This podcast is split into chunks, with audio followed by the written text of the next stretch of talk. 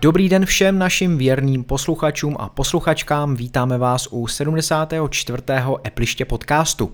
Jsme tu ve trojici, takže slyšíte za mikrofonem mě, Tomáše Svobodu. Mě, Adama Kosa.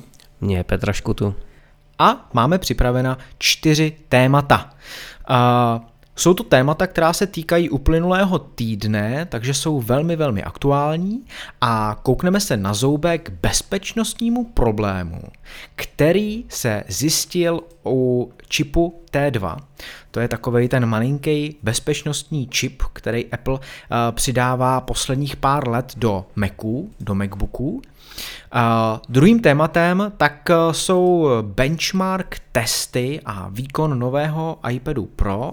Vyšlo na povrch, jak procesor A14 vůbec zvládá zátěž a samozřejmě máme už i povědomí o porovnání s procesory v iPadech Pro, takže to si porovnáme, ukážeme. Třetím tématem taky je Google Pixel, protože společnost Google vydala nové telefony a označila je jako Pixel 4a, Pixel 5a a Pixel 5. To má načteno a zjištěno Adam, takže... A taky vím, že jsi to řekl blbě, protože představili jenom dva telefony, jeden je 4A 5G a druhý je 5. No, tak to máš blbě napsaný asi v tom trelu, do kterého jako koukám, protože když to přečtu tak, jak je tam je napsaný, tak čtu Google Pixel 4a, 5a a Pixel 5, tak já nevím. prostě je to celý nějaký záhadný. Že jo, já si myslím, že místo 5a tam měl napsat 5G a moje chyba to tím pádem není. tak, jdeme a Poslední čtvrté téma, tak je samozřejmě očekávání od Apple Keynote, protože to je asi to, co nás a vás teďka bude zajímat nejvíce. V úterý 13. října tak se uskuteční další Apple akce, na které stoprocentně, a myslím si, že to můžu říct, budou uvedeny iPhone 12 a možná ještě něco dalšího, takže si to dopodrobna rozebereme. No a teď už přichází na řadu Petr se svými a našimi patrony. Přátelé, dneska v rychlosti zvu vás na patreon.com a nebo do aplikace, kterou najdete v App Store a najdete tam hned dvě možnosti, jak nám přispět. Za dolar vám pěkně poděkujeme a za 3 dolary dostanete nesestříhanou verzi s bonusy navíc. A když jsme u toho děkování, Chceme zejména poděkovat Jakubu Gortovi, Michalovi Mistrubí, Petru Olšovi, Patrikovi, Aleši Slabému, Michalu Psotovi, Martinu Krkavcovi, Haně Doškové, Marku Holonkovi, Majky Spekrej a Ondřej Matouškovi. Děkujeme.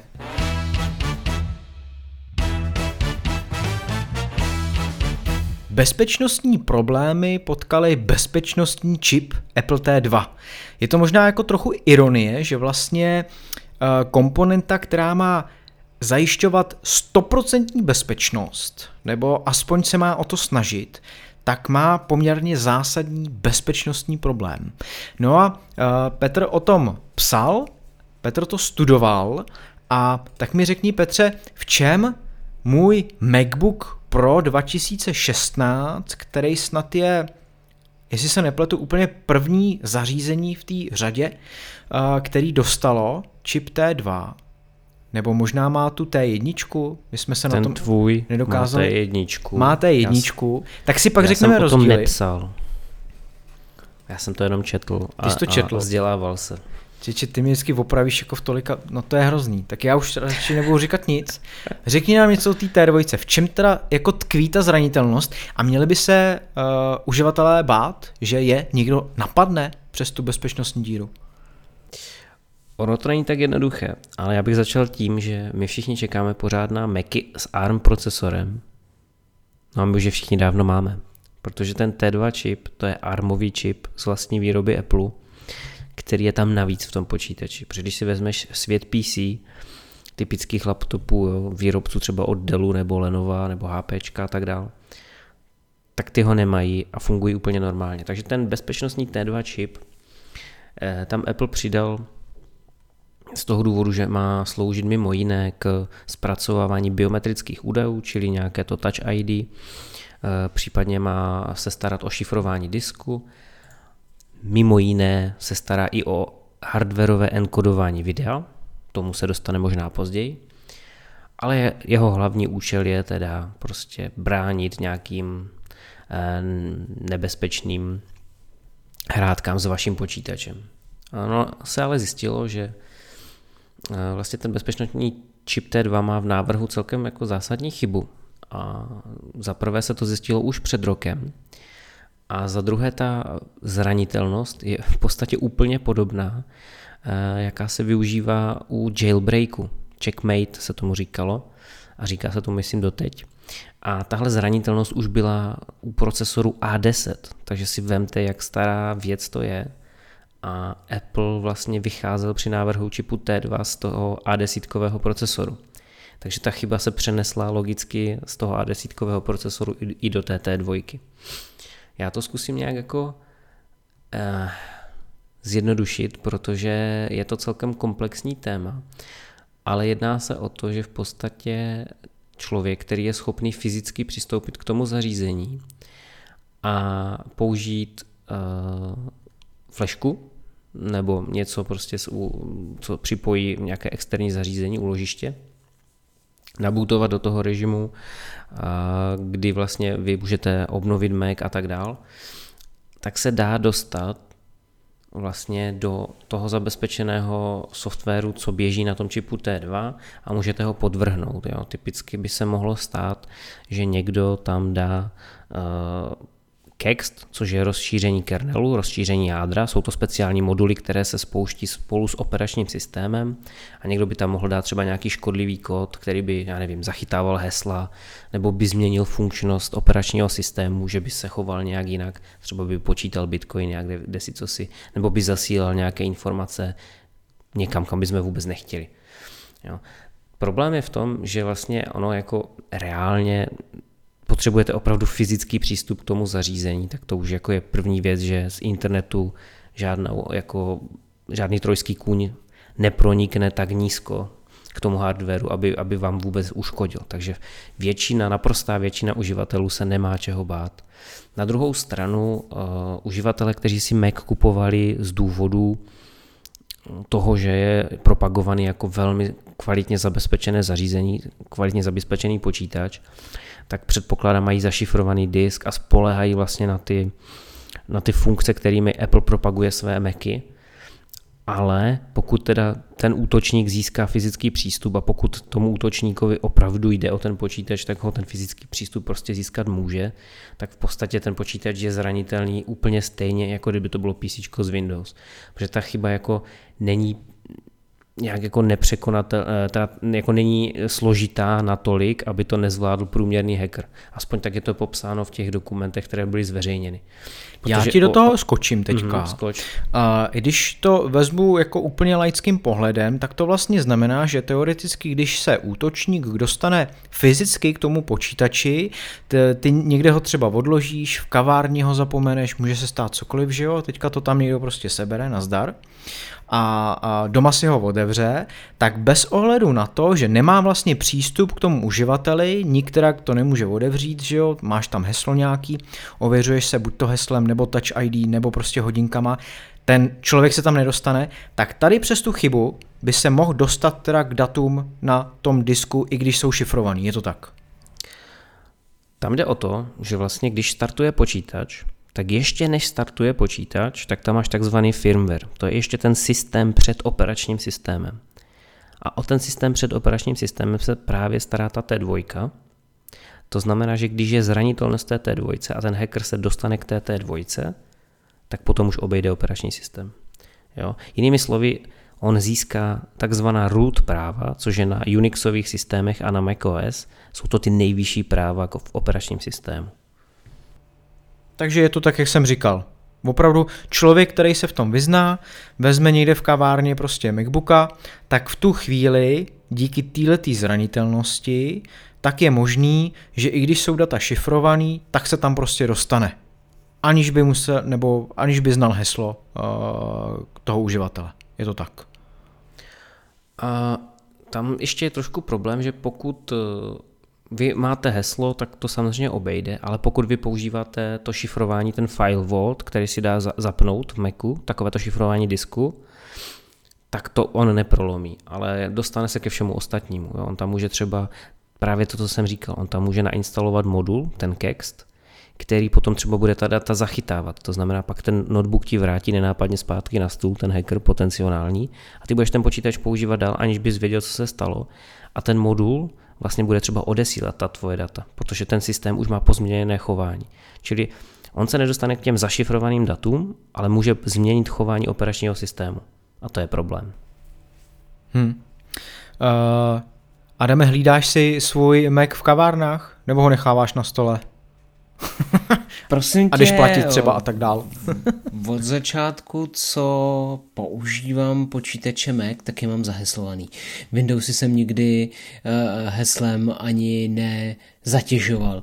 Nicméně Mac a operační systém macOS k tomu svádí trošku, takže jako mám tam jednoduché textové heslo a vzhledem k tomu, že žádný tento pokročilý čip nemám, tak mě to vlastně celý nějak tak nemusí trápit, dokavať si nekoupím nový stroj, který nám možná Apple co nevědět představí. Který možná už bude mít třeba nějakou té trojku, že jo?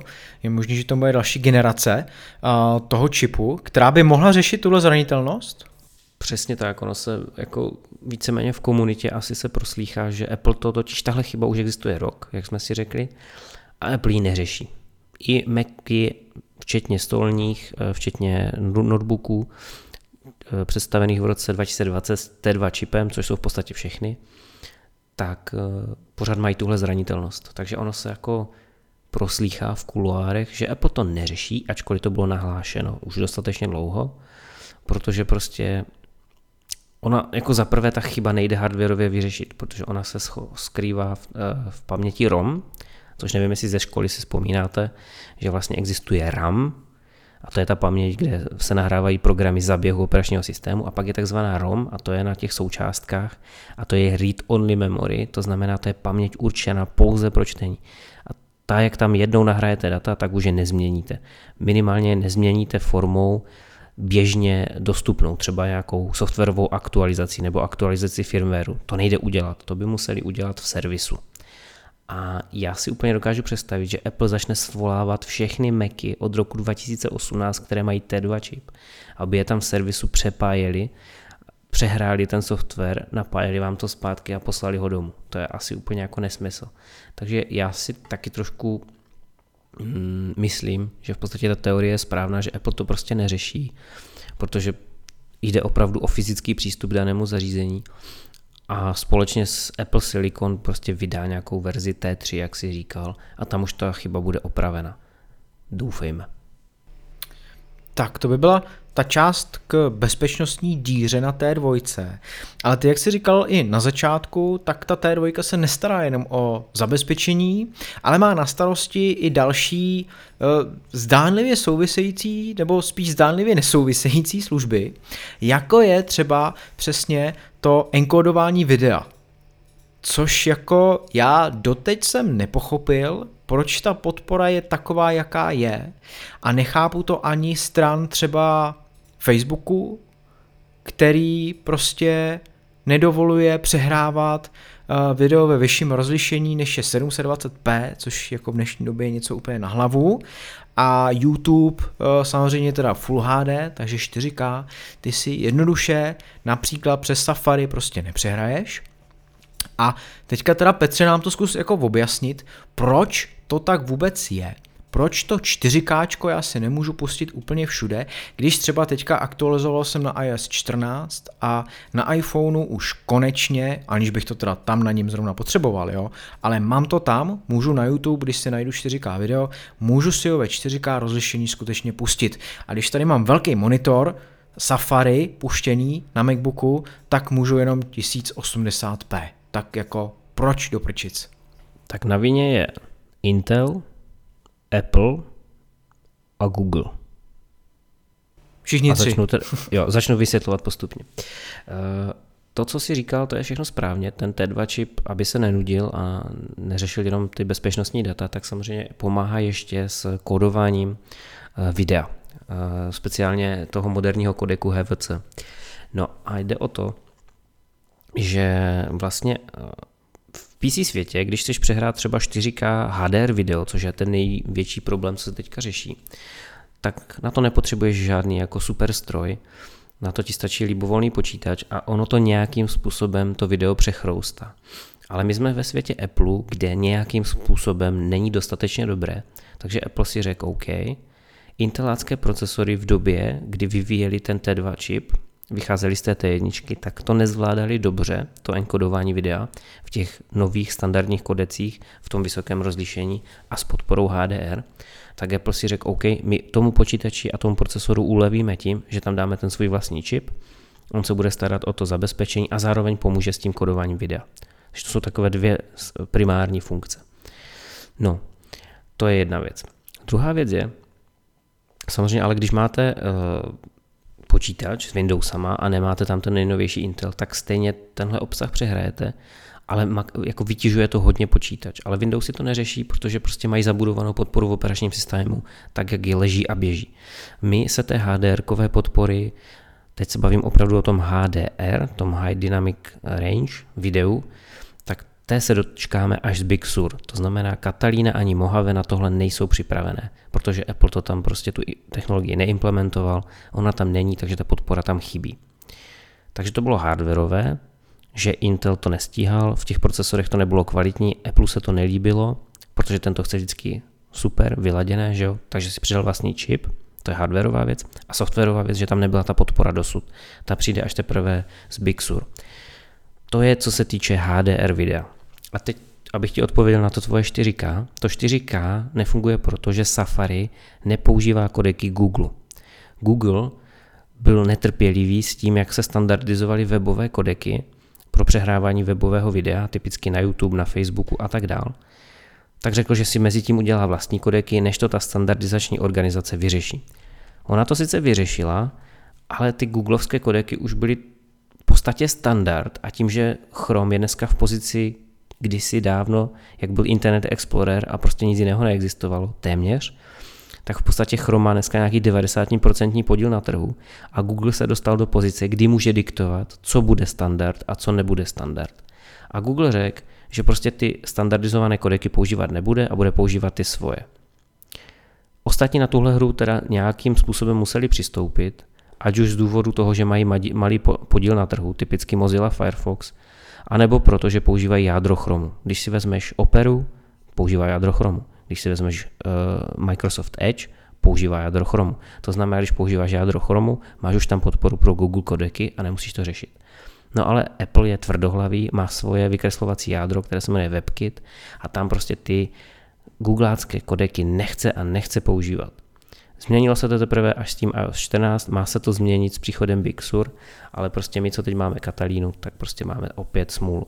To znamená, to je ten důvod, proč ti to video v Safari nefunguje a musíš používat Chrome, Firefox nebo něco jiného. Ach jo. A to jsem zrovna aktualizoval předtím, než jsme spouštěli nahrávání na Safari 14.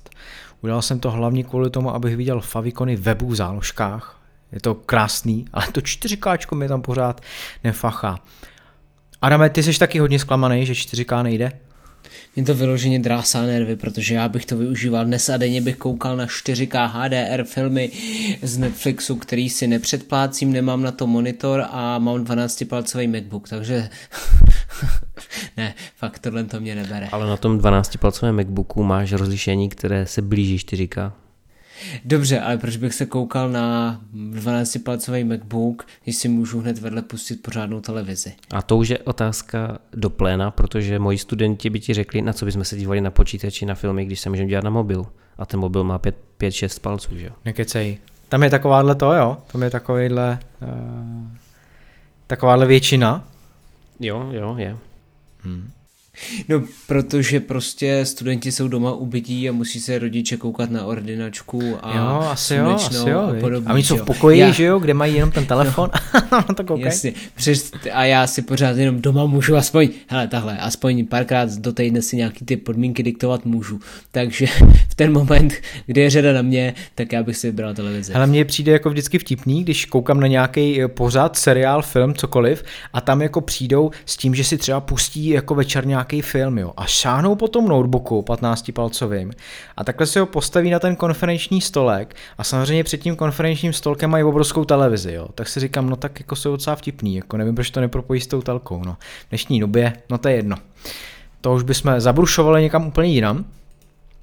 Každopádně teda podpora 4K HDR videí by měla přijít teda z macOS Big Sur a samozřejmě potřebujete na to minimálně tu T2, takže od nějakého MacBooku 2018 a mladšího.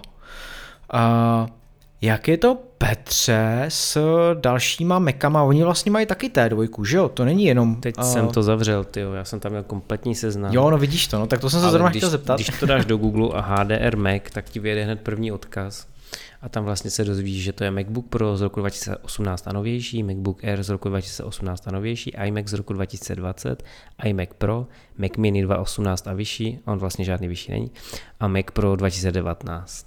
No, tak ale jako u toho iMacu je to docela bída, co? Když si to tak jako vezmu 2020. Tak oni tam teprve v tom 2020 dají tu T2, hmm, že jo? Hmm, hmm. Dobře, tak jo. Ještě něco, co jsme neřekli k tomuto tématu. Já myslím, že jsme docela to jako Já myslím, že jsme to vyčerpali. Jo. Tak jdeme dál. Jdeme na ty, na ty benchmarky uh, iPadu Air. To mě zajímá o něco víc, se přiznám.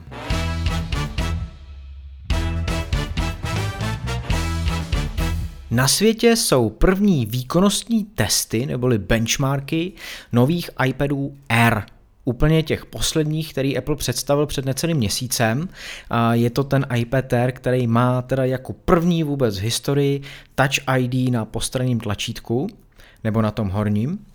A jsou to určitě zajímavá čísla. Eh, ten iPad Air 4 tak má jako zase první vůbec zařízení o teplu procesor A14, to znamená čip, který by měli dostat i iPhone 12 a jedná se o 6 eh, jádrový CPU, který samozřejmě jsme byli hodně zvědaví, jestli překoná i procesory, které jsou v iPadech Pro. Ty mají A12Z.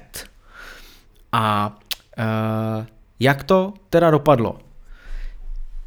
Já se koukám na ty, uh, na ty výkony a čeče, teďka to úplně, já jsem v tom úplně zmatený. No dopadlo to výborně, protože nárůst tam je. Opravdu je nárůst 40%, jak tvrdil Apple, ale opravdu to je oproti procesoru A12, který byl v předchozím iPadu Air. Jinými slovy, slovy čísel, já se teda ujmu toho, než ty se, ty se spamatuješ. Ujmi se toho, prosím tě. Tak prosím tě, eh, A14 dosáhla v testu Geekbench, což je takový ten oblíbený uh, benchmarkovací nástroj, a tam dosáhla v testu jednoho jádra úžasných 1583 bodů. A já si teďka nedělám srandu, to je jako fakt skvělé skore, vysvětlím později proč. A v testu více jader je to 4198 bodů, což už tak geniální není, ale furt je to super. A proč je ten výsledek jednoho jádra, těch 1583 bodů, tak skvělý? No, protože já tu mám rozkliknutý MacBook Pro 16 s procesorem Intel Core i9 a ten dosáhl v testu jednoho jádra 1105 bodů. Což je teda ještě ta vyšší varianta 16-palcové verze, ne? Je to tak. Což je ta vyšší varianta, ne, nepříplatková, pozor, mm-hmm. ta vyšší jenom ale samozřejmě eh, to se jedná o test jednoho jádra, jo? protože kdybych ti řekl skoro více jader, tak, tak, tak to jako je ne, úplně no. jinde. No. Tak je to 7114 bodů, což oproti nějakým 4000 to si mě nedech vysmát. Na druhou jenom, stranu, no, na druhou stranu já ještě dodám, že je potřeba taky říct jednu věc, že tady ta A14 žere plus minus 5 W, kdežto ta Core i9 ta žere 45 W. A to je teda sakra rozdíl. Hmm. Já jenom ještě dodám uh, pro úplný porovnání, aby posluchači měli přehled, tak A12Z, která teda je v nejnovějších iPadech Pro, v těch aktuálních, uh, tak ta uh, dokázala obdržet 1118 bodů na jednom jádru, to znamená, je tam rozdíl nějakých 420 bodů, jo? to jako si nemyslím, že je úplně zanedbatelný, protože to vlastně je nějaká, dejme tomu skoro třetina takže o jednu celou třetinu ta A14 je výkonnější a v případě toho multijádrového měření, tak je to teda 4198 versus 4564. Tam se nám to obrací, takže zase o nějakých zhruba 400 bodů. Naopak A12Z dominuje v tom vícejádrovém měření. Té A12, za A12 je starší architektura, to je potřeba si říct, tudíž Ono se to dobře srovnává A14, A12. Ono s tou A13 to už nezvízní tak úplně geniálně. A druhá věc je, že A12Z má oproti A12X a ta A12X oproti A12, oni mají vždycky pár jader navíc. Jsou to teda grafická jadra, ale oni v tom výkonu pomáhají tak i tak. To znamená, že ta A12Z těží právě z toho počtu jader, který je vyšší než u tady té A14. No a teďka jako v reálu, když bychom si to promítli do reálu, tak jako možná nastává to, čeho já jsem se třeba bál, nebo bál to je asi silný slovo, ale myslel jsem si to, že uh, jak se teďka budou uživatelé rozhodovat, když si budou chtít koupit nabušený iPad. Půjdou do iPadu Pro, anebo půjdou do iPadu Air, který je poměrně o dost levnější, ale už má nový design a i co se týče výkonu, jak je vidět, tak v podstatě je jako velmi porovnatelný. Adame, do čeho ty by si šel, jako když vidíš ty, uh, ty výkonnostní testy a já rovnou ještě řeknu cenu, aby jsme si to mohli úplně přesně jako srovnat, uh, kde, kde to začíná. A je to teda 17 tisíc za základní variantu iPadu Air, a nebo a počkej, musím si překliknout na jedenáctku, dejme tomu, že by si chtěl jedenáctku uh, iPad Pro, tak tam je to 23 tisíc, takže je to nějakých 6 tisíc rozdílu. Já bych každopádně šel do éra, nejenom vzhledem k penězům, ale i vzhledem k tomu, že prostě uh, ty možnosti toho pro až tak nevyužiju, nepotřebuji jako uh, TrueDepth čelní kameru na iPadu, ale mě by zajímalo, uh, teda odpovím otázkou na tvoji otázku, uh, co využije normální smrtelník a normální člověk víc, výkon jednoho jádra nebo těch více jader, co je jakoby ten důležitější, co je to důležitější číslo? Hele, můžu vám do toho skočit? My se tady totiž jako krásně bavíme o benchmarkcích a už jako si připadám trošku jak nějaký Androidák, který porovnává čísílka. Mimochodem A14 to zase natřela nejvýkonnějšímu procesoru konkurence, čili Snapdragonu 865, který je teďka v telefonu OnePlus, v tom nejnovějším, zapomněl jsem číslo, oni to teď číslují tak jak noty na buben. Takže ne o moc, paradoxně, ale výkonnější je. No a já chci říct jednu věc, jako upřímně, pokud já mám tady na stole iPhone XS, tak já jako nepoznal jako nějaký zásek. Za celou tu dobu, co ho mám za ty dva roky, tak ten telefon je svižný, sviští úplně parádně. A to, že v syntetických benchmarkích je vlastně jako někde na polovině těchto výsledků A14, tak to mě absolutně netrápí. No dobře, ale jde tam o to, Petře, že v momentální situaci všechno stíhá. Ale jakmile uh, trošku uh, pokročí doba, tak za pár let si myslím, že ten rozdíl už tam třeba bude poznat. Jo? Když si vezmeš XS a vezmeš si jedenáctku, tak dejme tomu čem? za tři, za čtyři roky, No, protože samozřejmě to XS rychleji zastará. A no to morálně, anebo jako fyz... Reálně. Reálně prostě odezva toho systému. Odezva systému, to znamená, že tady můžeme se teďka bavit o spekulativní teorii, že vlastně ten systém zpomaluje ten hardware, nikoli ten hardware zpomaluje ten systém. Já tady dám takovou analogii malou s Linuxem. Linuxový operační systém známe, bavili jsme se o něm minimálně dva podcasty zpátky. A to je systém, který švihá na 10-15 let starém hardwareu a je to dokonce rychlejší než Windowsy na nejnovějších počítačích. Ta odezva toho systému je měřitelná na milisekundy, to se tak měří těma benchmarkama a ten Linux tam reaguje svižněji než ty Windowsy. Je to všechno o optimalizaci a využití e, těch prostředků. Jo. To znamená, pokud tvůj operační systém, který dejme tomu se čistě náhodou jmenuje iOS, je čím dál tím víc rozežraný, tak samozřejmě ano, on tě donutí upgradeovat. Ale pokud by ten systém nebyl tak rozežraný a držel se té optimalizace, kterou si myslíme, že se jí drží, tak v podstatě jako pro běžného člověka, který používá obyčejné aplikace, nepoužívá hry nebo nestříhá video, tak stačí i procesor A10. Úplně no, v pohodě. Já to beru reálně, tak jak prostě to vidím a vidím, že třeba když už jsme se taky o tom bavili, ten můj kdysi iPad mini 2, který ho ještě doma máme, tak ten je jako neskutečně pomalej.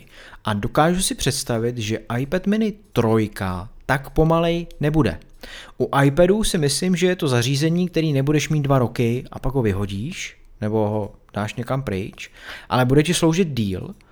A myslím si přesně, že tím, jak prostě bude pokračovat doba, tak vždycky je lepší jít do uh, toho novějšího zařízení, respektive do toho novějšího hardwareu, protože Apple to prostě takhle dělá. Já vím, že ty argumentuješ nějakou optimalizací, která by mohla být ještě lepší, mohlo by to být ještě uh, u těch starých nebo starších zařízeních líp řešený, ale prostě já vidím reálně, že není a myslím si, že teďka, když budeš chtít rozjet, dejme tomu nějaký iOS 12, který teda reálně běží na tom iPadu mini 2, tak určitě pojede rychlejš na A8 než na A7. A to bude jenom prostě o generaci jiný procesor. Takže tady toho já se jakoby držím víc a víc postupem času. A i tady kvůli tomu já bych třeba volil ten iPad Air, protože prostě procesor má vyšší číslo. Úplně. Mm, v jednom jádře, ale ne v multijádře. No, a to je to, na co jsem se ano, ptal. A, na to, pro mě tak a to se vracíme zase úplně vlastně zpátky. Takže pět minut tu plkáme o ničom. No ne, ale... my, my jsme mluvili o, o, o těch reálných zkušenostech, o tom, jak to jako je, že jo, ale teďka samozřejmě jsou nějaký benchmarky, které jako ukazují čísla, samozřejmě, který jako něco nám říkají, něco nám naznačují. A přesně jak se ptá Adam, jestli Petře dokážeš na to trochu nějak odpovědět, uh, jestli skutečně to multijádro, který je tam o zhruba 400 bodů výkonnější, bude tak moc rozhodující, jestli to bude prostě znát. A ne teď asi, ale dejme tomu klidně postupem času, jestli opravdu jako reálně to ten uživatel za pár let třeba pozná. Já vím, že chcete jako jednoznačnou odpověď. Ne, ano. to ne, to jako já nechci já ano. jednoznačnou odpověď. Já chci. Je to hodně o aplikacích, které používáš. Aha. Takže, Takže některá, některá aplikace odpověď. si prostě uh, je líp, dejme tomu, optimalizovaná, když to takhle řeknu, a využije být optimalizovaná. Ona dívej se, jo, ty prostě pro připomínky ty nepotřebuješ více vláken. Jasně. Takže tam využiješ, prostě když používáš připomínky Appleovské nebo poznámky. Tak to ti bude švihat na tom iPadu Air připomínky, hele úplně nejrychlejší. Teda. No, tak to nepotřebuješ prostě víc, jako více jader. Na druhou stranu, pokud hraješ hry, nebo prostě stříháš video, nebo prostě používáš nějakou aplikaci na kreslení a tak dále, tak tam už těch více jader využiješ prostě v momentě, kdy to není jenom nějaké obyčejné ťukání v nějakých základních prvcích grafických, které jsou součástí systému, ale už se tam pracuje s něčím navíc, tak automaticky využiješ více jader. Záleží taky samozřejmě na té obrazovce. U toho iPadu e, e, Pro hraje navíc velký, velký rozdíl to, že on má ten ProMotion display, to znamená tam se mění automaticky obnovovací frekvence až ke 120 Hz a ten požadavek na ten výkon je neskutečný, protože vlastně on musí zobrazit oproti iPadu Air, který má standardních 60 snímků za sekundu, tak on musí zobrazit 120 a to je jako pořádná darda. Jo, takže tam to žere hodně toho výkonu. Ale zase samozřejmě tím, že je to dynamické, tak se to zobrazuje jenom ve hrách nebo v nějakých optimalizovaných aplikacích, tudíž zase to není tak často potřeba.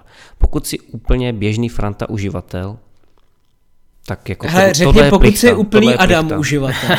pokud jsi úplný Adam, Adam, Adam Kos, tak je to úplná plichta. Ne, ale v tomhle případě já bych třeba zrovna od iPadu požadoval to, aby tam ty hry fakt frčely, svištěly a bylo to parádní. Takže Paradoxně zní odpověď klanil, pro v tomhle případě.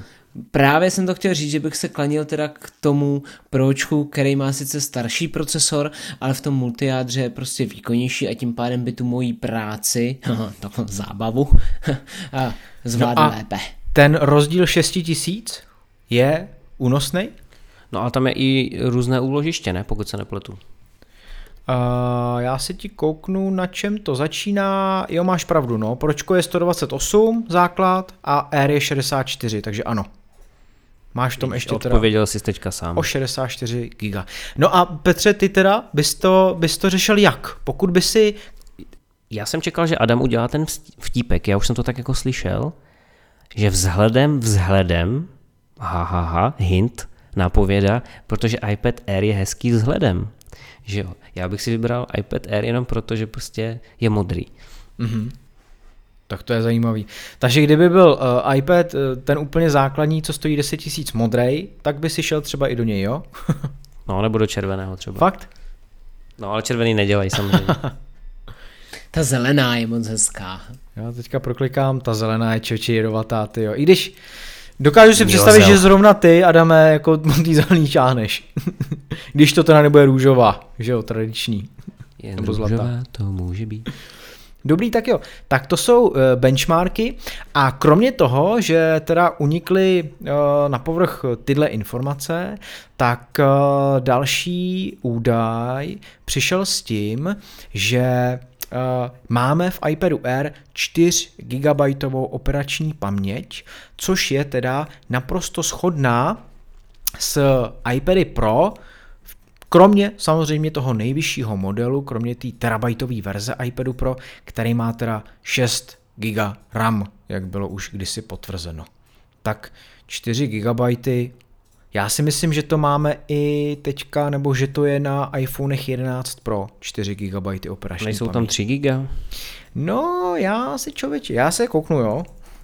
Koukni se, já mezi tím řeknu, že Androidy by se opět vysmál, protože nejnovější no telefony a tablety mají 8 GB, že jo? No jo. Hele, 4, takže opravdu 11 Pro, 11 Pro Max, tak mají 4 GB operační paměti, ale chápou, že, že Androidisti mají 8 i 12, že jo? Jsem viděl. Jo, a na, na jednu stranu je pravda, že Apple má lépe optimalizované prostě ten systém a, a aplikace jsou lépe optimalizované. Na druhou stranu, pokud máš tabletu 8 nebo 4 GB, tak ani ta optimalizace tě úplně nespasí, protože ty můžeš o to víc aplikací mít spuštěných najednou a o to víc aplikací se ti načte rychleji z paměti. Jo, že ty hry okamžitě se ti načtou, ne, že ti tam problíkne obrazovka a znovu to udělá loading, protože byla uspaná a tak dále. A hlavně e, to pomáhá v aplikacích typicky na ten střih videa nebo na nějaké to kreslení a tyhle grafické kejkle. Takže já si jako vůbec bych se nezlobil, kdyby příští generace iPadu Pro měla minimálně 6, ne 8 GB to se vždycky hodí. Hele, a tohle to, co říkáš, to mě třeba hrozně točí, jo. Tak mi řekni, co má, eh, kolik má ramky iPhone 10s Max? Já myslím, že tři. Ten, Já myslím, že má tři. tři, no tak mě to třeba jako úplně tohle nedostačuje, jo? protože já cokoliv, jakoukoliv složitější hru vlastně spustím i třeba jenom za pár minut nebo za půl hodinky, tak už se mi načítá celá znova. Takže tady bych určitě uvítal trošku víc, ale mám k tomu dotaz, je to závislý i na interní paměti nebo není? Hele, tak jenom oprava, má čtyři už. Už má mít, už má mít dokonce 4 gigabajty i uh, 10S. 10S a 10S Max, tak mají mít tak 4 prostě GB. to chce víc. RAM, no. Jako já s tím teda taky se přiznám, že občas se mi to načte znova, ať už hra nebo, nebo nějaká aplikace, jakákoliv. A i webovky třeba, I webovky. jo, internet no, no, no, všechno, i webovky, všechno. I, třeba, i třeba další záložka, jako jenom, že jo, jo, vlastně seš v Safari pořád a překlikneš si na další záložku a, a ta se znova načítá, no, tak jako a třeba jako úplně ten případ, který by mě vzal čert, když se mi stane. Vem si, že komponuješ úplně úžasný příspěvek na sociální síť, třeba Instagram, že jo. Ale hashtagy, má, aby se nemusel furt vypisovat, tak máš napsaný v poznámkách. Takže to znamená, že musíš zavřít Instagram, otevřít poznámky, skopírovat poznámky, znova otevřít Instagram a v ten moment máš ten příspěvek v trápu, protože se ti načte znova. Hmm. Já řeknu ještě jako takovou jednu věc, za co možná mě nebudete mít rádi. Nicméně viděl jsem že uh, Samsungy, nový vlajkový lodě a možná ty stanonový, já teďka nevím, jako možná Samsung uvádí ty telefony ještě rychlejš. A myslím si, že nějaká ta S20, což je ta, která má ten jejich hybridní super zoom, stonásobný nebo co si, tak když jsem byl tehdy pár měsíců zpátky na oficiální představovačce od Samsungu, tak ty se pišnili tím, že měli možnost Uh, myslím si, že má snad 8 gigovou, gigovou operační paměť, měli možnost si tam přišpendlit jako jednu, snad jenom jednu aplikaci, která v té operační paměti vydrží, ať se děje, co se děje. Prostě si ji zarezervuje, určitou část, a ta aplikace v ní prostě drží. Dokud jako jí neřeknete, hele, vypadni z té operační paměti. Takže vždycky bude k dispozici, nikdy se nebude načítat znova. A bylo to samozřejmě v Androidu, v operačním systému ta možnost, ale ten telefon, jako ten hardware to musel podporovat, takže tam došlo k nějaký spolupráci Samsungu a, a Google, Androidu a oni to takhle vyřešili. Takže jestli tohle to není úplně jako řešení, i když je to trošku takový jako na Apple neautomatický, že jo? Jo, přesně, na Apple to, to není Apple řešení a navíc ten telefon má 8 GB paměti, to je tolik, kolik mají Macy základní paměti. Tak co, co chceš dělat s 8 gigama, že? Tak takovou funkci si můžeš dovolit, to je taková dobrá machrovinka. Ale jak jsi to sám řekl, prostě Apple nemá rád, když uživatel má volbu. Ty dodnes si nevinutíš spuštění nočního režimu ručně, nebo ho nezakážeš. Prostě Apple spolehá na automatiku, čus bus. Tak prostě úplně stejným způsobem, proč by dovolovali uživatelům si připnout natrvalo aplikaci do paměti. Za A té paměti není tolik a za B prostě uživatel je přece hloupý. My mu ukážeme, jak to má fungovat. No vidíš to, ale Adamovi by se to hodilo třeba. No, no Uživatel je hloupý, ale Adamovi by se to hodilo. No, jako Android, Počkej, víš, co mě chceš jako fascinuje? jako říct nějaký, nějaký rovnítko tam, nebo tak něco? Ne, to jsem neřekl, to bych řekl jinak. Ty jo, jste mi teďka skočili do řeči. Já jsem chtěl říct, že uh, jako Android dodnes, uh, už dnes umí takhle, on to uměl sice roky zpátky, že vlastně umíš spustit dvě aplikace na jednou, že jo? což na iPhonech nejde. To ďábel. Jako na telefonech, ne, nemyslím teďka tablety, že jo. Takže prostě tam se s tou pamětí pracuje trošku jinak. No a ty si vlastně teď udělal takový krásný oslý můstek k dalšímu tématu, protože my u toho Androidu vlastně zůstaneme a budeme řešit další telefony, který se představili a jsou docela zajímavý.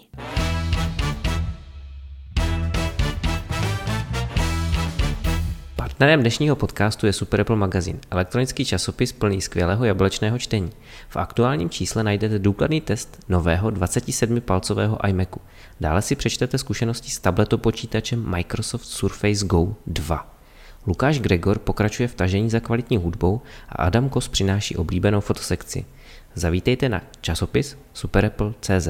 Super Apple magazín je plně optimalizovaný pro čtení na iPadu a dostupný v aplikacích pro iOS, Android nebo skrze webovou čtečku.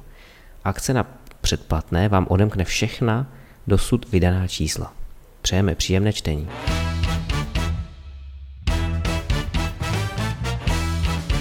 Google Pixel 4 5G a Pixel 5. Tak, teď jsem to řekl snad dobře, uh, že jo, Adame? Google Pixel 4a 5G Google Pixel 5. Takže takhle je to naprosto správně, úplně celý název. Jsou to teda dva nové telefony, ne tři, jak se mohlo na první poslech zdát, úplně ze začátku, kdy uh, jsem schrnoval ta témata. Nicméně uh, jsou to uh, telefony od Google, jsou naprosto nové. Eh, Google je uváděl teď, někdy včera nebo kdy přesně? Minulý týden. Minulý týden, no. Tak i tak, že jo, jsou jako velmi noví. A mělo by se jednat teda o, eh, dejme tomu, přímou konkurenci iPhoneu, nebo jako co s tím jako teda má uh, Apple dělat teď? Nebo uživatelé, kteří se budou rozhodovat, jsou nestraní, nejsou to Appleisti, ale třeba uh, iPhone se jim líbí designově a i uh, funkčně a teďka se budou rozhodovat mezi iPhonem a Google Pixelem. Je to vůbec jako možný? Mají něco společného ty telefony?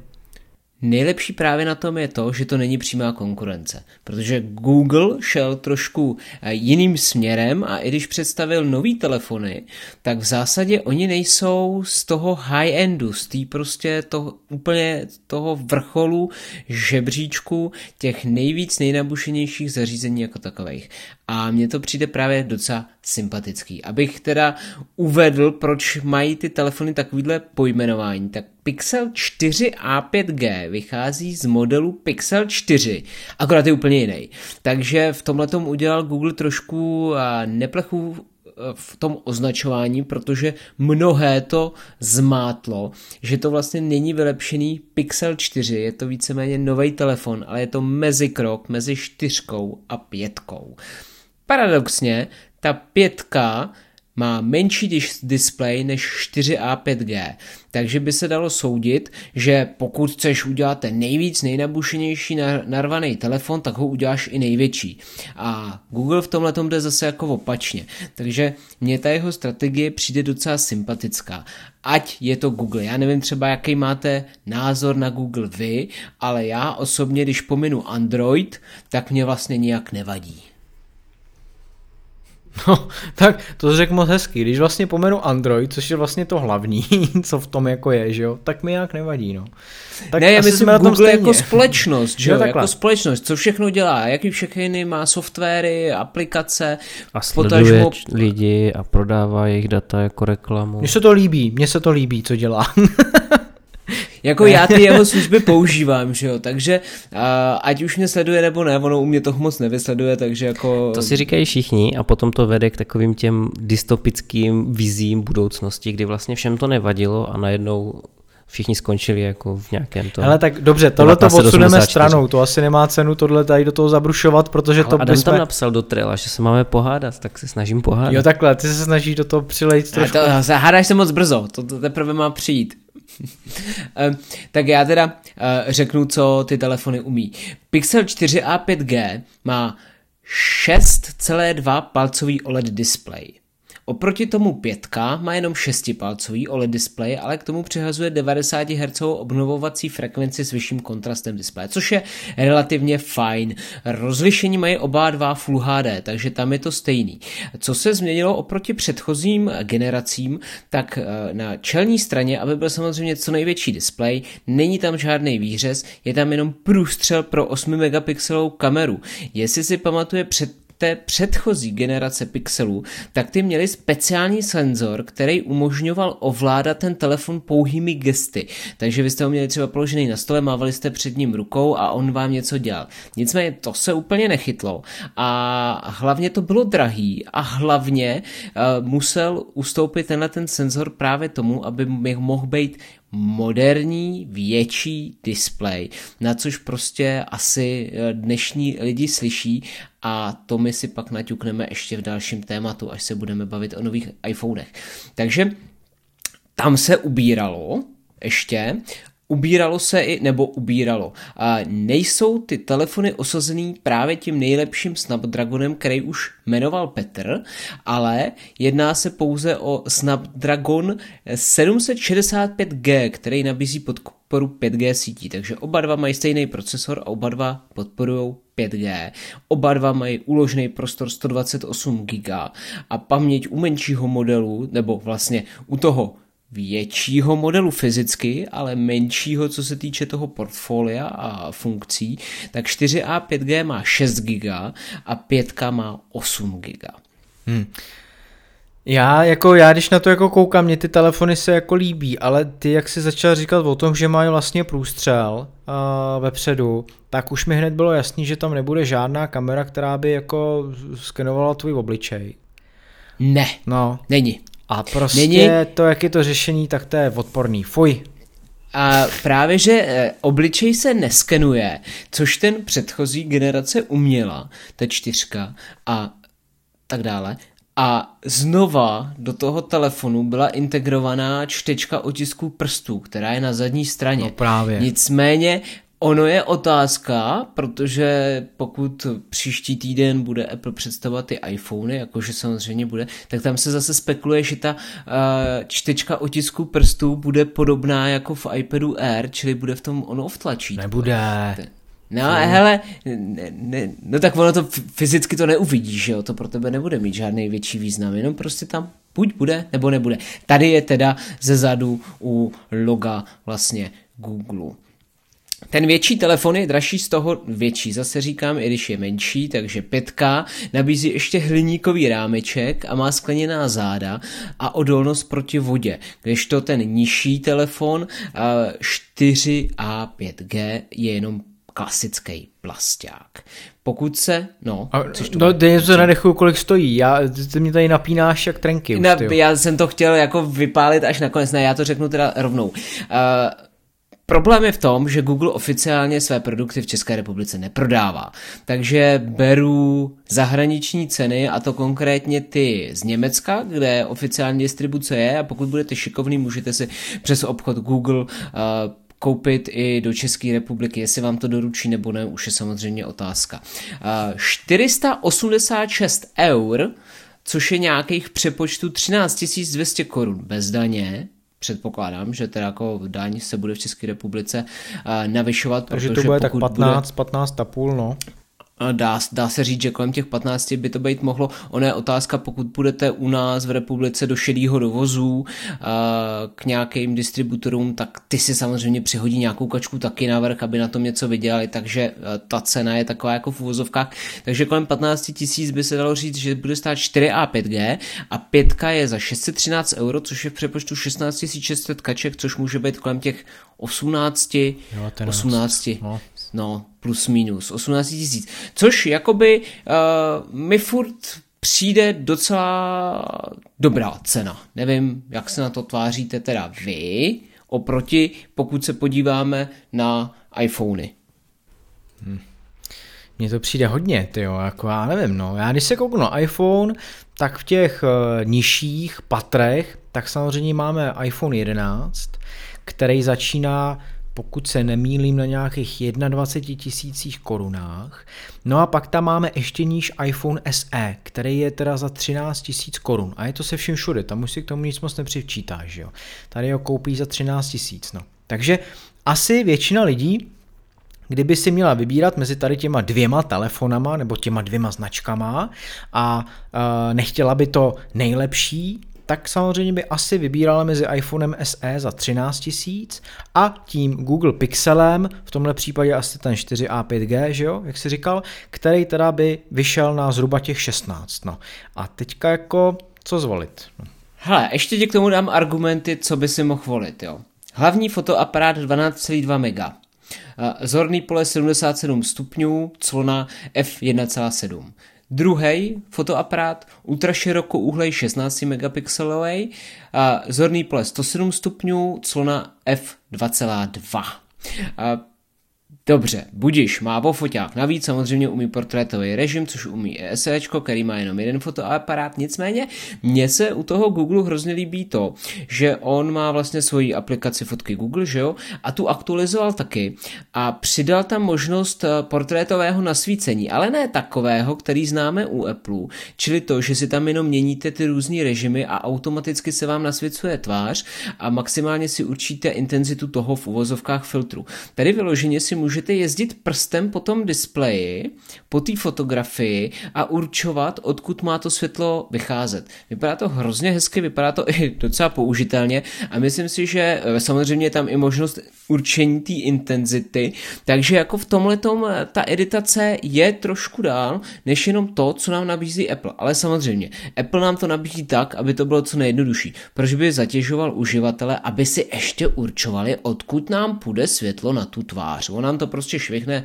rovnou chytře, podle samozřejmě jeho algoritmů, jak to tam má být a jak on si myslí, že je to nejlepší. A jsou někde už ukázkové fotografie těch nových pixelů? Co z nich teda opravdu jako vylejzá? Eh, je toho na internetu spousta. A za tebe? Za mě co? To vychází jak? Hemně si jo, tak samozřejmě, tak ono na tom to vidíš zkomprimovaně, kdo ví jak a bla, bla, bla, ale ty fotky vypadají pěkně. Uh, jako tahle zatím, uh, oni ještě nejsou k dispozici úplně oficiálně, protože teprve uh, jsou v předprodeji a ta pětka by měla přijít až během listopadu na trh, takže zatím jsou jenom nějaký takové fotky, které uveřejnil sám Google, že jo, a tak tam na to nemůžeš úplně spolíhat, protože tam to jsou samozřejmě patřičně uh, hezký fotky, aby to vypadalo jako fakt pěkně. Tam nejlepší je u tohohle udělat ten benchmark, že to dáš na prostý lamě, ať ti vyfotí pár fotek a potom vidíš, co z toho leze, že jo. Takže a tam, tak Google ale... měl vždycky skvělou tu počítačovou fotografii, že jo. Oni dokázali kouzlit už v době, kdy Pixely měli jeden fotoaparát a oni s tím uměli portrétní režim, oni uměli jako jedni z prvních, mám pocit, ten noční režim, ty fotky byly jako hodně kvalitní. Právě ještě s těma novými pixelama ty už umí HDR plus s bracketingem, nabízí Night Sight, který se nemusí přepínat, takže je víceméně aktivní, jakmile on sám usoudí, že je nějaký blbý uh, shadow, když to tak U řeknu. iPhoneu taky nemusíš nic přepínat, nebo jako na co narážíš? Uh, tahle, narážím na to, že Night Sight umí astrofotografii, aniž by si přepínal na astro a umí portrétové snímky, aniž by si eh, přepínal na portrét. Je takhle. Mhm. Jo, a všechno je to v rámci toho Nightsightu, takže on ti sám usoudí, že najednou fotíš portrét a je to tedy, když to převedu do terminologie Apple, je to portrét v nočním režimu. Ano, OK. Jo? A samozřejmě to všechno poháněný umělou inteligencí, bla, bla, bla, bla, bla. Tak, a teď mi řekněte, já tohle to, mně se to líbí, jo. Já si samozřejmě Google Pixel nekoupím, protože v tom u sebe nevidím důvod. Prostě já pojedu pořád v těch iPhonech, ale mně se líbí takováhle konkurence, která se nežene prostě zatím, aby byla na tom vrcholu, jak cenovým, tak výkonnostním a prostě představí svůj top model, který ale není úplně extra hyper nabustovaný, ale přitom dokáže oslovit i takového uživatele, jako jsem já, že se mi to fakt líbí. Jak vizuálně, protože ty telefony nejsou hnusný, tak tím, co to umí, tak samozřejmě i cenou. Já bych doufal, že, nebo tahle, doufám, že Apple představí toho iPhone mini, a ten si vezme příklad právě z tohohle. Ale nebude to trapný SEčko, který má ještě prostě home button a má hnusný obdelníkový uh, display, který prostě v dnešní době bez rámečkových di- displejů už je úplně jako přežitej. No já bych tu otázku, pokud to byla otázka, Adame, tak bych možná... Byla, taková... jo, taková tak, skrytá jo. trošku. Tak Ano. já bych ji možná formuloval tak, že jaký telefon bychom si koupili, pokud by Apple vůbec neexistoval. Jestli je zrovna Google Pixel tady s těma dvěma novinkama pro nás zajímavý, protože samozřejmě pořád budeme poznamenaný tím Applem, je jasný, že srovnávat to přímo úplně nejde, ale pokud bychom se úplně odmysleli, tak jestli zrovna Google Pixel by byl naším favoritem, anebo bychom hledali ještě u jiných značek. Tak si položil otázku, tak si na ní odpověď. To je, no a teďka jsem si položil otázku, na kterou nedokážu odpovědět, že jsem A se tak já vám úplně pomůžu, asi já vám pomůžu. nepřemýšlel. A Petr jde do toho, tak pojď. Já jdu do toho, protože já jsem si ochotný koupit telefon, který není od Apple i teď, protože mě to jako tak nějak fuk. A Petrovi nepopulární názvy, trademark, už si to asi někde jako za, za, zapatentuju nebo něco, protože já jsem tady vždycky proti proudu. Ale jako iPhony mě začínají jako brutálně nudit. Já vím, že prostě každý rok je to lepší, je tam zase nejvýkonnější procesor a zase o něco lepší fotoaparát, který vlastně je stejně horší než konkurence, a tak to je něco jiného. Ale hlavně oni vypadají furt stejně. Když se podíváš na iPhone 10, 10s, 11 a jestli jsou ty líky pravdivé, ty uniklé obrázky těch dvanáctek, tak ze předu, dokud se nezačneš dívat na boky nebo na záda, tak to zase bude prostě ten samý design. Takzvaně bezrámečkový, i když víme, že konkurence umí jako mnohem více do krajů ten displej natáhnout, protože co si budeme povídat, iPhony mají furt ještě dost tlustý rámeček kolem těch okrajů. Ten telefon je tlustý mimochodem a, a těžký. A zepředu vypadá pořád stejně. Od iPhoneu 10, 10s, 11 Pro máš pořád ten samý tlustý hnusný výřez a tlusté hnusné rámečky a sice ten displej je krásný OLED, ale jako vlastně ten design se moc nemění. Jako tam není něco, co by mě řeklo, ty to mi trhá žíly, ten telefon fakt potřebuji. Takže já jsem jako ochotný se klidně dívat po konkurenci. I když mi teda to 10 jako dostačuje, já to jako pokud vydrží dva roky, tak já si ho asi nechám klidně ještě další dva roky. Ale jako Apple mě trošku sere tím svým přístupem, jakože my víme, co je pro uživatele nejlepší a bohužel se to poslední dobou týká i hromady aplikací. Takže já jsem si řekl, že na hraní skrze Xbox X Cloud, to je ta služba, o které jsme se bavili, ta herní streamovací, která na Androidu bez problémů funguje, samozřejmě na iOS ne, protože prostě Apple, tak jsem si říkal, že bych si buď koupil OnePlus, ale teď jak se koukám na tady ten Google Pixel, tak jako nad tím hodně spekuluju. Takže já jsem ochotný do toho lejt. Já vidím i velkou pozitivní věc v tom, že ten Android je čistý, že prostě ten výrobce, jak je to Google, že tam nemá žádný ty svoje nadstavby, který ho nějakým způsobem dehonestují. Takže pro mě uh, i aniž bych koukal na Samsungy Galaxy S20 a jakýkoliv huhlavý a podobný, tak já bych prostě, jo, já bych viděl tohle jako jasnou volbu. Pro mě, kdybych nepoužíval iPhone. Tak a já možná řeknu, že taky. Nicméně jsem se těšil na tady tu chvilku, protože teď použiju oslý můstek já. A to, co říkal Petr, že ho brutálně nudí, že iPhony nemění svůj design a zůstávají plus minus pořád stejný, tak my se tady o tom určitě pobavíme v našem posledním tématu a to sice je očekávání od Apple Keynote, která bude 13.10. a právě iPhony 12 by měly být hlavními hvězdami této akce.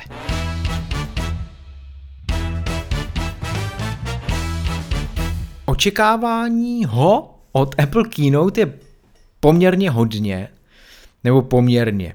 Já myslím, že to je jako velmi, velmi moc, protože pokud by mělo být uvedeno všechno to, o čem se spekuluje, a spekuluje se o tom jako velmi vážně, není to jenom takový nějaký nadhozený, tak uh, tyjo, ta keynote bude mít tak tři hodiny, pánové, asi. Nebo co si myslíte vy? Protože iPhone 12 tak budou určitě. Měly by to být čtyři modely, takže jako ne málo. No a k ním tak eh, určitě se řeší Mac s ARM procesorem, který i sám Apple řekl, že do konce roku minimálně jeden prostě uvede, takže kdy jindy než teď. A kromě toho ještě se řeší další várka produktů. Takže eh, já možná začnu hned na začátku typováním, co všechno si myslíte, že bude 13.10. od 7 hodin večer našeho času Applem uvedeno. No a budeš si to psát, aby jsme to příště mohli vyhodnotit Hele, já si a to napíšu, se. No, no, no, já si to napíšu rovnou do toho trela, jo. A my si to vlastně pak akorát zhodnotíme, což bude uh, příštím díle 75C, kterou určitě budeme nahrávat zase někdy po té keynote, že jo, protože v úterý těžko, takže ve středu asi se domluvíme na příští středu, že den potom o, to nahrajem, tak tam si to pak můžeme nějak vyhodnotit. Tak já tady píšu Adam, dvojtečka a povídej, co si jako myslíš, že teda všechno bude představeno 13. Já si myslím, že bude iPhone bez označení, bude iPhone mini, bude iPhone Pro a iPhone Pro Max. Píšu, ale je to slyšet, veď? Píšu, jak Je já to byl. slyšet. A K tomu bude představený počítač a, s ARM A procesorem. teď jaký? Počkej, a schválně, a teď jaký? Pojď. Bude to MacBook, No. A? bude mít 12 palců Ty display, To seš teda. No. bude mít stoprocentně zlatou barvu. Nekecej. Jednu z možných, jako jo, Píšu jednu zlatá. z možných. A bude představený tím stylem, že Apple řekne, ho jako uvede, ale prodávat se začne ještě s otazníčkem, víš, že to bude takový to, no a toho se dočkáte během listopadu, jo, že to bude takhle. Ale HomePody, jakýkoliv sluchátka a jakýkoliv další záležitosti si myslím, že nebudou a že budou až na jaře. Takže já bych to viděl pouze na ty iPhony a na ten počítač, protože u toho se Apple bude strašně vykecávat, u toho počítače. Kdežto u, o procesoru, který vlastně nový iPhony budou mít, tak už má ten iPad Pro, uh, sorry, iPad Air, ten už jsme si odbyli u minulý keynote, stejně jako Apple Watch. Takže vlastně on to bude potřebovat natáhnout, což mu iPhony zajistě, zajistí, když budou čtyři a k tomu i ten MacBook by mohl jako s tím armem být jako fakt na dlouho, protože tam se bude prsit tak dlouho, až z toho bude vyprsený až přes celý Cupertino. Takže rekapituluju tvůj tip. iPhone bez označení, iPhone mini, iPhone Pro, iPhone Pro Max a MacBook 12-palcový s ARM procesorem a ve zlatý variantě určitě. Ano, ano. Někdy v listopadu bude uveden, ostatní až na jaře případně. No dobrý, Přesně. tak to, to je trochu možná odvážný tip, ale dobře, tak Petře, pojď teď ty. Tak já půjdu proti Adamovi, aby to bylo, jako, aby to bylo zajímavé, protože to typování, když budeme typovat všichni stejně, tak je to o ničem. No jasně. Takže já teď mám před sebou tu pozvánku a věštím, jo. Tak ten největší kruh uzavírá ten menší kruh, to znamená, bude HomePod. Ty kráso. No. A budou dva HomePody, protože ty kruhy, když se podíváš na to, tak vlastně se překrývají. Takže bude HomePod a HomePod mini.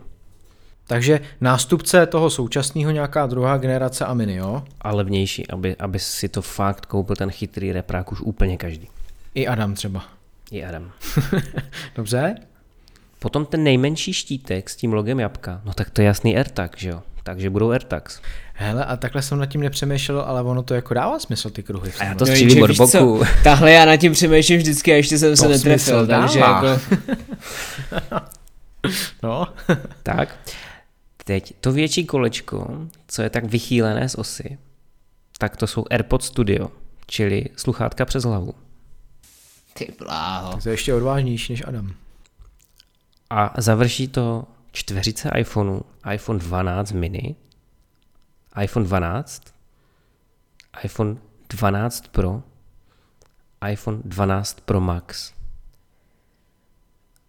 Macy totiž přijdou v listopadu na úplně speciální keynote. Do pytle. Dobře ty. To jsem zvědavý. No a teďka v podstatě, kdybych já měl typovat, tak akorát se střetnu uh, buď s Adamem nebo s Petrem a asi tam jako nic už nového nevymyslím, jo.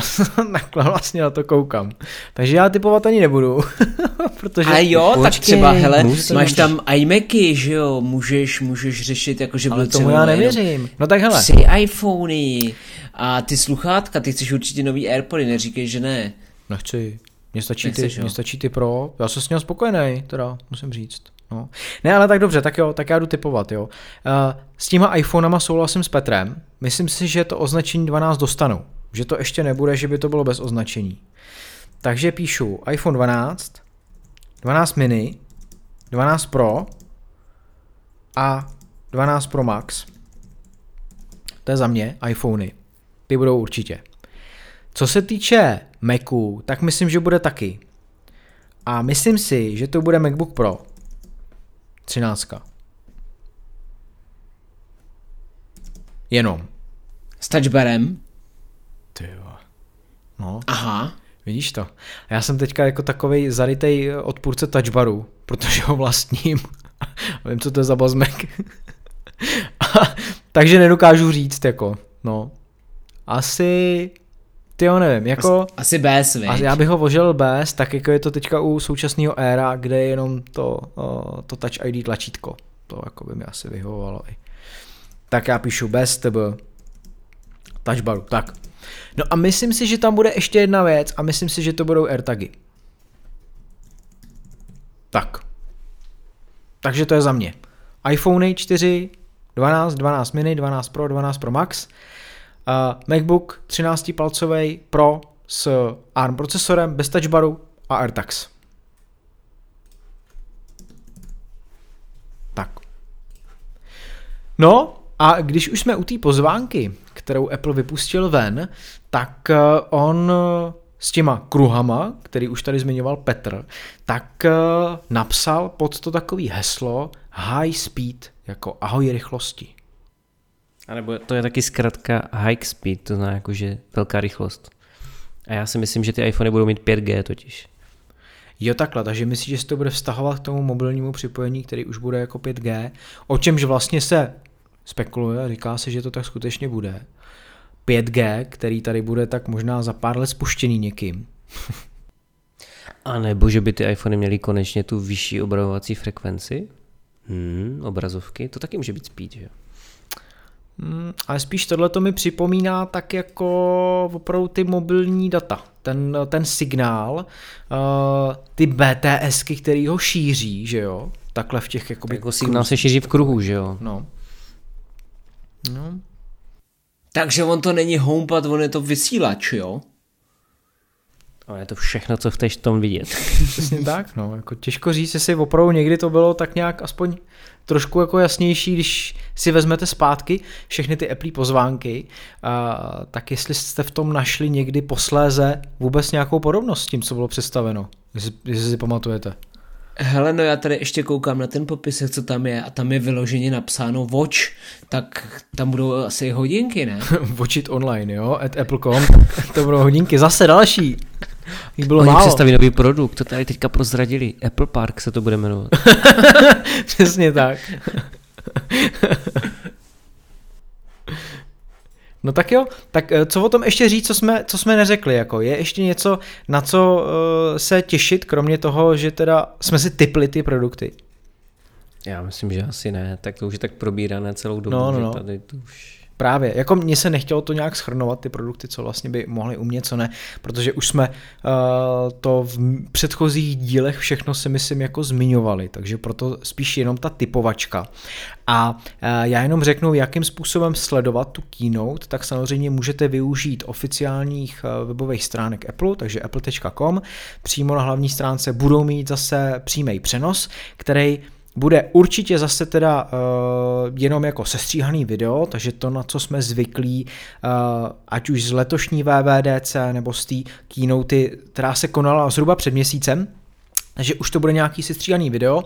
O to by to mohlo být rychlejší, plynulejší, mít to rychlejší spát a byli jsme svědky toho, že vlastně před tím necelým měsícem to mělo asi hodinu jenom, takže kdyby tohle mělo tak hodinu, hodinu a půl, já bych se vůbec nezlobil.